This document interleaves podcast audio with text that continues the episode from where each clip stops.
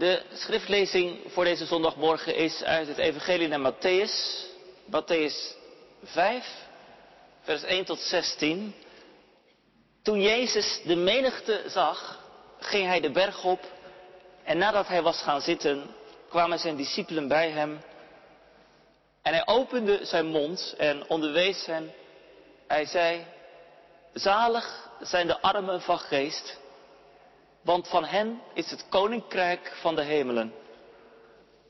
Zalig zijn zij die treuren, want zij zullen vertroost worden. Zalig zijn de zachtmoedigen, want zij zullen de aarde beërven. Zalig zijn zij die hongeren en dorsten naar de gerechtigheid, want zij zullen verzadigd worden. Zalig zijn de barmhartigen, want aan hen zal barmhartigheid bewezen worden. Zalig zijn de reinen van hart, want zij zullen God zien. Zalig zijn de vredestichters, want zij zullen Gods kinderen genoemd worden. Zalig zijn zij die vervolgd worden om de gerechtigheid, want van hen is het koninkrijk van de hemelen. Zalig bent u als men u smaadt en vervolgt en door te liegen allerlei kwaad tegen u spreekt omwille van mij.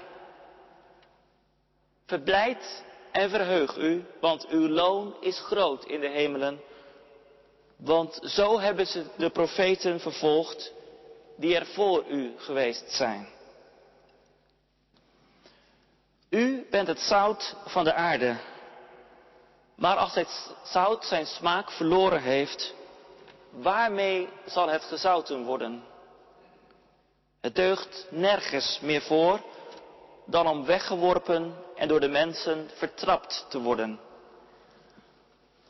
U bent het licht van de wereld. Een stad die boven op een berg ligt, kan niet verborgen zijn. En ook steekt men geen lamp aan en zet die onder de korenmaat, maar op de standaard. En hij schijnt voor allen die in het huis zijn. Laat uw licht zo schijnen voor de mensen dat zij uw goede werken zien en uw Vader die in de hemelen is, verheerlijken. Tot zover de lezing uit de Heilige Schrift. Wij zijn zalig als we deze woorden horen en ze ook doen. Gemeente, geliefd door Christus. De focus van deze preek ligt op de versen 13 tot 16 van Matthäus 5. De woorden zijn overbekend dat wij een zoutend zout moeten zijn en een lichtend licht zullen zijn. Dat is de roeping van de gemeente. Maar misschien zeg je, een zoutend zout in en mijn omgeving, dat is waar. Dat zou eigenlijk moeten. En vaak wordt er gezegd, zout hoort niet samen te klonteren. Je moet niet alleen maar samen in je veilige gemeente zitten maar in je omgeving, in je studentenomgeving, een zoutend zout zijn. Maar misschien ook wel help. Hoe dan? Of misschien vind je het een heel inspirerend beeld, een licht zijn. Dat bekende lied maken ons tot een stralend licht voor de volken. Een stralend licht voor de mensen om je heen. En als je dat meezingt, dan krijg je er zomaar zin in om er wat van te maken. Bekende beelden van het zout en het licht. Beelden hebben kracht. Het Nieuwe Testament kent meer beelden om de gemeente van Christus mee aan te duiden. En in deze preek hoop ik deze beelden dichterbij u en jou te brengen. Allereerst, u bent het zout van de aarde. En u bent het licht van de wereld. Het is dus niet een kwestie van ik zou het moeten zijn of ik zou het moeten worden. Trouwens ook niet een kwestie van moeten zijn. Dat is allemaal niet onwaar. Maar er staat u bent het zout. Dat stelt Jezus. Dat stelt hij vast. Die identificatie geeft hij aan zijn volgelingen. Dat is eigenlijk wel heel bijzonder dat hij ons zo ziet. Dat hij dat zo vanmorgen tegen ons zegt. Dat is bemoedigend. Hij wil ons in onze kracht zetten. Dat wil zeggen in de kracht van de Heilige Geest. Het is ook heel groot dat hij dat zomaar zegt. Jezus zet hoog in. Hij heeft een hoge verwachting van ons. Maar is het niet te hoog gegrepen? Is dat niet een beetje overdreven? Als je daarover nadenkt. Ik ben het licht van de wereld, denk je bij jezelf. Maar kan ik dat wel zijn? Of wil ik dat wel zijn? Ook een heel andere reactie is mogelijk dat iemand zegt, ja daar doe ik wel iets aan. Daar ben ik wel mee bezig. Daar ben ik me wel bewust van. Maar tegen wie zegt Jezus, u bent het zout van de aarde? Dat zegt hij tot hen tegen wie hij zojuist zei, zalig zijn de armen van geest. Ja, het lijkt zo groot, u bent het licht van de wereld. Maar dat zijn dezelfden als degenen die arm van geest zijn. En armen van geest zijn mensen die afhankelijk van God zijn. Die dat weten. Dus u bent het zout van de aarde, u bent het licht van de wereld.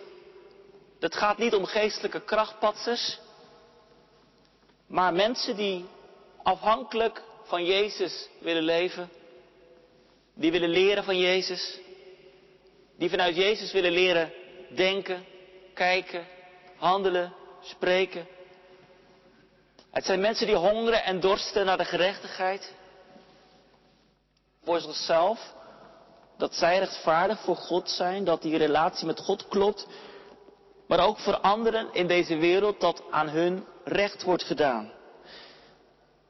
Hij zegt het tot hen die gesmaad en vervolgd worden omwille van hem. U bent het zout. U bent het licht. Dat zegt hij tegen ons als wij net als die mensen willen luisteren naar Jezus. Als wij Hem willen vasthouden in ons dagelijks leven, willen vasthouden aan waar Hij voor staat, die gerechtigheid, die barmhartigheid, die reinheid, die zachtmoedigheid. Zout, licht zijn, dat gebeurt als je dicht bij Jezus leeft. Als je je laat meenemen door zijn visioen. Als je je van binnenuit laat openen voor zijn benadering. En zo vervuld raakt van zijn waarheid. Van zijn liefde. Van zijn vrede. Willen wij dat? Zijn wij geraakt door Jezus? Is dat wel eens gebeurd? Vast wel. En wat was dat? Zijn we ergens te raken? Zijn we ergens toe te bewegen? Willen wij ons met Hem verbinden? Waar raakt deze tekst, deze woorden uit Matthäus 5 jouw hart? Waar raakt wat Zijn hart heeft jouw hart? Want ja, dan komt het dichtbij. Dan gaat die tekst leven. Dan gaat er iets gebeuren. Iets moois. Iets goeds. Iets van het koninkrijk. U bent het zout van de aarde. Dat is een groot, machtig woord. Het is een woord dat ons bemoedigt, zei ik. Zo ziet Jezus die leerlingen die vervolgd worden, ze zijn klein en kwetsbaar, maar toch zegt hij dit tegen hen. Het is een woord dat hen, gewone, eenvoudige mensen, als zij waren, uitverkiest. Het zout van de aarde. Het licht van de wereld. En hun daarmee ook in een verantwoordelijke positie brengt. En het geeft ook aan dat Jezus daarin vertrouwen heeft. En dat geldt dan ook voor ons. Als wij ons met Jezus inlaten, dan geeft Hij ons die bijzondere rol, die verantwoordelijkheid. Hij durft dat blijkbaar aan, maar gaat dus nooit los van Hem. Dan wil ik nu inzoomen op dat eerste beeld. U bent het zout van de aarde. Wat betekent dat? Wat het precies betekent, het kan meerdere dingen betekenen. Zout wordt gebruikt om gerechten op smaak te brengen, te kruiden. Nu, de wereld heeft mensen nodig die smaak hebben voor wat het goede leven is. En die hun goede smaak ook inbrengen in deze tijd. In discussies. In hoe je dingen benadert. Wat zou het mooi zijn? Wat is het mooi om zo smaakmaker te zijn? Ik vind dat een heel positieve gedachte. Zout is iets wat onmisbaar is. Als Jezus dus zegt, jullie zijn het zout van de aarde, betekent dat jullie als christenen zijn onmisbaar voor deze wereld. Zout is nodig voor de smaak. Zout is ook noodzakelijk om bederf tegen te gaan. Dat was in die tijd nog meer het geval dan nu, nu wij door koeling eten kunnen bewaren. Maar ook in onze lang houdbaar producten zit zout, veel zout, heb ik begrepen. Wij kunnen niet zonder. En als we dat nu toepassen, jullie zijn het zout van de aarde. Jullie zijn noodzakelijk voor de wereld om haar bederf tegen te gaan. De wereld gaat naar haar verderf, gaat ten gronde, tenzij jullie haar daarvoor behoeden. Zo, dat is sterk uitgedrukt. En daarmee komt die tekst wel dichtbij. Want wij zien dat toch, bederf in onze wereld, in onze maatschappij. Ja, we zien ook hele andere dingen. We zien hele mooie dingen en mooie ontwikkelingen. Maar we zien ook bederf.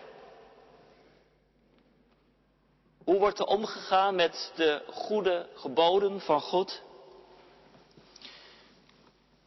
Even verderop in de bergreden komen die ook ter sprake op een radicale manier. Bijvoorbeeld het zesde gebod. Het ongeboren leven is niet veilig in ons land. En dat is ernstig. En ook de verregaande wetgeving, de plannen op het gebied van euthanasie, is een teken van bederf van onze maatschappij van verval, van terugval. Of neem het zevende gebod. Het huwelijk tussen één man en één vrouw als belangrijke pijler van onze maatschappij valt weg. De vrije seksuele moraal. Het ontstellende gemak van echtscheidingen ook in de gemeente van Christus zijn kenmerken van bederf. Wat kun je er verdrietig van worden? Er is steeds minder begrip voor mensen die de klassieke christelijke waarden en normen aanhangen. En een zorgelijke ontwikkeling is het dat er steeds minder vrijheid lijkt te zijn om deze overtuigingen te hebben en uit te dragen. En dan zie je dat de politiek zich soms wel heel erg bemoeit met zaken van de kerk. Wij zien tekenen van bederf. En wat doen we daarmee? Wat we vaak zien is dat sommige christenen dan ach en wee roepen, waar gaat het heen met deze wereld? En dat kun je begrijpen. Maar eigenlijk is dat misplaatst. Wat wij dan moeten doen is ach en wee roepen over onszelf. Want van deze wereld is niet anders te verwachten dan dat ze bederf vertoont. Want Jezus zegt immers, jullie zijn het zout van de aarde. Zonder jullie, zonder jullie inbreng gaat het met deze wereld niet goed. En daarom moeten wij naar onszelf kijken. Zijn wij dan het zout dat het bederf in deze wereld tegengaat? Jezus spreekt hier niet de wereld aan, maar ons op onze verantwoordelijkheid. Hij haalt niet hard uit naar de wereld, zoals zo vaak niet, maar legt er de vinger bij dat als wij niet het zout van de aarde zijn, we nergens meer voor deugen dan weggeworpen en door de mensen vertrapt te worden. Vers 13b. Dat is een aangrijpend woord. Jullie zijn het zout van de aarde. Laat de wereld, laat de maatschappij niet aan haar lot over. Blijf niet kijken aan de zijlijn. Mij raken deze woorden wel. Ik voel me erdoor aangesproken. Want het is als predikant vaak zo makkelijk om voor eigen publiek te preken, grotendeels. Het is zo makkelijk voor christenen om min of meer, en dat verschilt wel per persoon, maar velen ook onder gelijkgestemden te verkeren en verder maar een beetje onze mond te houden. Of wat even zo gebeurt en misschien nog wel meer. We gaan zo makkelijk mee in dat bederf. En voordat we het weten zit het ook in ons hart en hoofd. En hebben we het niet door. Maar durven wij nog tegen de stroom in te gaan? Maar wat hebben wij dan nodig? Vrijmoedigheid, durf om te zijn wie we zijn. Om te staan waarvoor we staan. Om wel tegenover het forum van de wereld te benoemen wat het betekent om christen te zijn. En die wereld kan voor iemand zijn als je in de politiek meedoet. Soms wordt door christenpolitici heel creatief gezocht hoe je in deze tijd het christelijk geluid kan laten horen. Het kan zijn op de universiteit. Het kan zijn de school van onze kinderen. Het kan zijn op ons werk. Of in gesprek met onze buren. Ik denk dat wij zo vaak zo klein van onszelf denken, maar Jezus zegt, denk groot van jezelf. Nee, niet omdat je van jezelf zo groot bent. Het zijn de armen van geest. Maar wel omdat Hij ons die rol geeft. Die roeping. Jullie zijn het zout van de aarde. Wij dienen de wereld niet als we onze mond houden. Wij dienen de wereld als wij in gesprek met mensen Jezus trouw blijven. En ik vroeg me af, hoe kan dat? Hoe kan dat nu? Als je dicht bij je meester leeft. Want dan gebeuren er twee dingen. Dan krijg je en liefde voor die wereld, zoals Jezus die wereld lief had, al zo lief had God die wereld. Maar je krijgt ook vrijmoedigheid om die wereld te dienen als christen. Jullie zijn het zout van de aarde. Alleen jullie. En daarom mogen wij de wereld niet in de steek laten. Jullie zijn het zout van de aarde. En daarom moeten wij onze kracht behouden. Daar dient ook de verkondiging toe. Ja, het lijkt misschien vreemd dat er staat dat het zout haar kracht kan verliezen. Als je een potje keukenzout hebt, dan is dat toch zout, natriumchloride. Dat kan toch niet veranderen? Nou, het zout in die tijd was een soort witte poeder, afkomstig uit de omgeving van de Dode Zee. En dat poeder bestond uit een mengsel van zout en andere mineralen. En het kon gebeuren dat in het gebruik het echte zout wegspoelde en je alleen nog die andere bestanddelen, bestanddelen overhield. Dan had je zogezegd nog wel dat witte poeder in de handen, maar eigenlijk was het zout, die natriumchloride, eruit. Nu, Zo zegt Jezus, pas nu op dat je niet meer het zout zou zijn. Dat je denkt, het lijkt wel heel wat, maar het zout is weg. Wees daarom wie je bent. Dat wil zeggen, wees jezelf als christen. Zout van de aarde.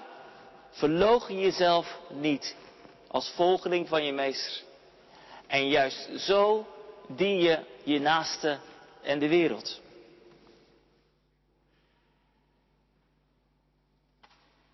We gaan naar het tweede beeld.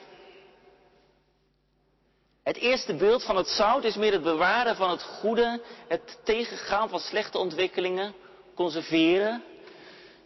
Het tweede beeld is meer de positieve input die je als christen mag hebben.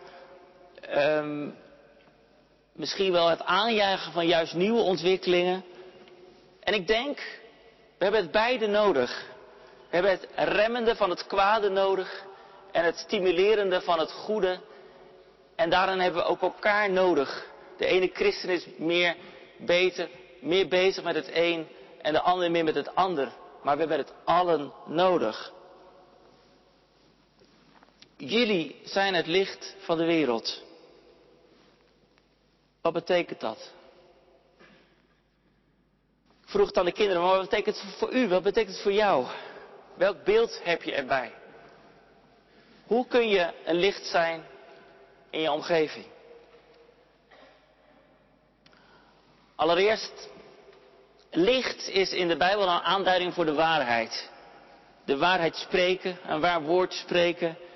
Wandelen in het licht is wandelen in de waarheid. Zo kan het zijn dat je zo je licht laat schijnen. Dat je zo een licht bent in het donker van de postmoderne verwarring. In het donker van de onwetendheid van een wereld die haar eigen gang gaat, los van God. En licht in de wereld zijn betekent ook dingen doen die licht brengen. Die je doet vanuit de liefde van Christus, je Heer. Iets goeds doen vanuit je hart, zegt iemand. Vanuit zijn hart dus. Je hebt aandacht voor iemand, voor wat iemand nodig heeft die op je weg gebracht is. Wat iemand goed doet. Tijdens je werk, in je privéleven. Ja, zo simpel. Iets doen wat die ander blij maakt. Iets doen wat die ander verlichting geeft. Heb je aandacht voor waar iemand zit? mee zit. Een vriendelijk woord.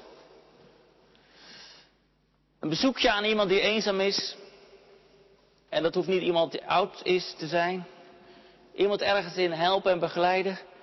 Nou, ik denk dat jullie ook, u ook, die voorbeelden wel zelf ook kan bedenken en aanvullen. Voor iemand beschikbaar zijn voor langere tijd. Dat is vaak ook wat je hoort. Dat je trouw blijft. Niet even, maar over langere tijd er bent. Nog iets, in die zalensprekingen ging het erover hen die hongeren en dorsten naar de gerechtigheid. Je hebt dat verlangen dat er recht wordt gedaan aan allerlei soorten van mensen in deze wereld. Je bent sociaal bewogen omdat je ziet dat je meester dat was. Wij zien allerlei initiatieven die mensen nemen om goed te doen, onbaatzuchtig, groepen van mensen die het moeilijk hebben. Vluchtelingen, asielzoekers. We doen daar geen politieke uitspraak over, maar we willen mensen helpen, hoop bieden. We moeten het licht dat we zijn niet onder een korenmaat zetten. We mogen van betekenis zijn. Dat is bemoedigend. We mogen die smaakmakers zijn. Maar we horen ook van betekenis te zijn in deze wereld. Dat is onze roeping. Wij zijn het licht van de wereld. Op allerlei manieren met woord en daad erop gericht dat het evangelie van Jezus invloed krijgt, houdt. Vers 16. Laat uw licht zo schijnen voor de mensen, dat zij uw goede werken zien. Inderdaad dus, licht zijn is iets doen, goede werken. Het evangelie naar Matthäus benadrukt dat het evangelie niet alleen iets is van het woord dat je hoort, maar ook van dingen doen. Het gaat om een geloof dat tastbaar is. Dat een levensinstelling van je geworden is. Goede werken. Er is niets mis mee om dat zo te zeggen. Nee, het betekent niet dat je je op je goede werken laat voorstaan. Dat wordt in het vervolg van de bergreden wel duidelijk gemaakt. Onze gerechtigheid dient overvloediger te zijn dan die van de schriftgeleerden en fariseeën. En waar zit het er dan in? Nou, hij moet bij ons opkomen vanuit ons hart.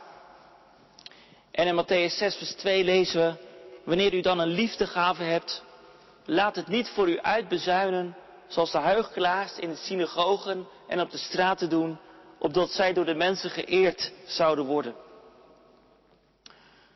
Dus nee, we hoeven niet bang te zijn voor het doen van goede werken en het daarover te hebben. Waar we wel bang voor moeten zijn, is dat er geen goede werken zouden zijn. En daar vraagt Jezus onze aandacht voor. Laat uw goede werken toch zien. En dan gaat het om het houden van de geboden, het wandelen als kinderen van het licht. Het gaat om die daden van barmhartigheid. Uiting geven van liefde op een onbekrompen manier. En staat er dan bij, door die goede werken uw Vader in de hemel verheerlijken. Dat is het hoge doel. Dat is dat loflied. En wat is het mooi als dat gebeurt. Daar word je toch blij van.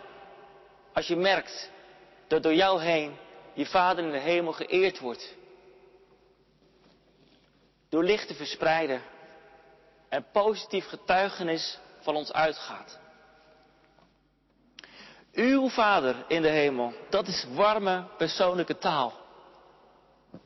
Je mag het doen voor je Vader in de hemel, die zo goed is voor je. Die het waard is dat zijn zaak op aarde goed behartigd wordt. De apostel Petrus schrijft in 1 Petrus 2, vers 11 en 12. Geliefden, ik roep u als bijwoners en vreemdelingen u te onthouden van vleeselijke begeerten die strijd voeren tegen de ziel. Houd uw levenswandel onder de heidenen goed, opdat zij die nu van u kwaad spreken als van kwaaddoeners, door de goede werken die zij in u waarnemen, God verheerlijken mogen op de dag dat er naar hen omgezien wordt. U bent het zout van de aarde. U bent het licht van de wereld. Misschien had je niet gedacht dat dat vanmorgen tegen je gezegd zou worden. Maar wie door Jezus ingenomen is, wie niet meer loskomt van zijn liefde, hoe die het ook zou proberen, die wil er vandaag aan herinnerd worden dat te willen zijn. Jezus wilde er zijn voor de wereld. Een volgeling van Jezus wil net als Jezus zijn plaats, haar plaats innemen in deze wereld.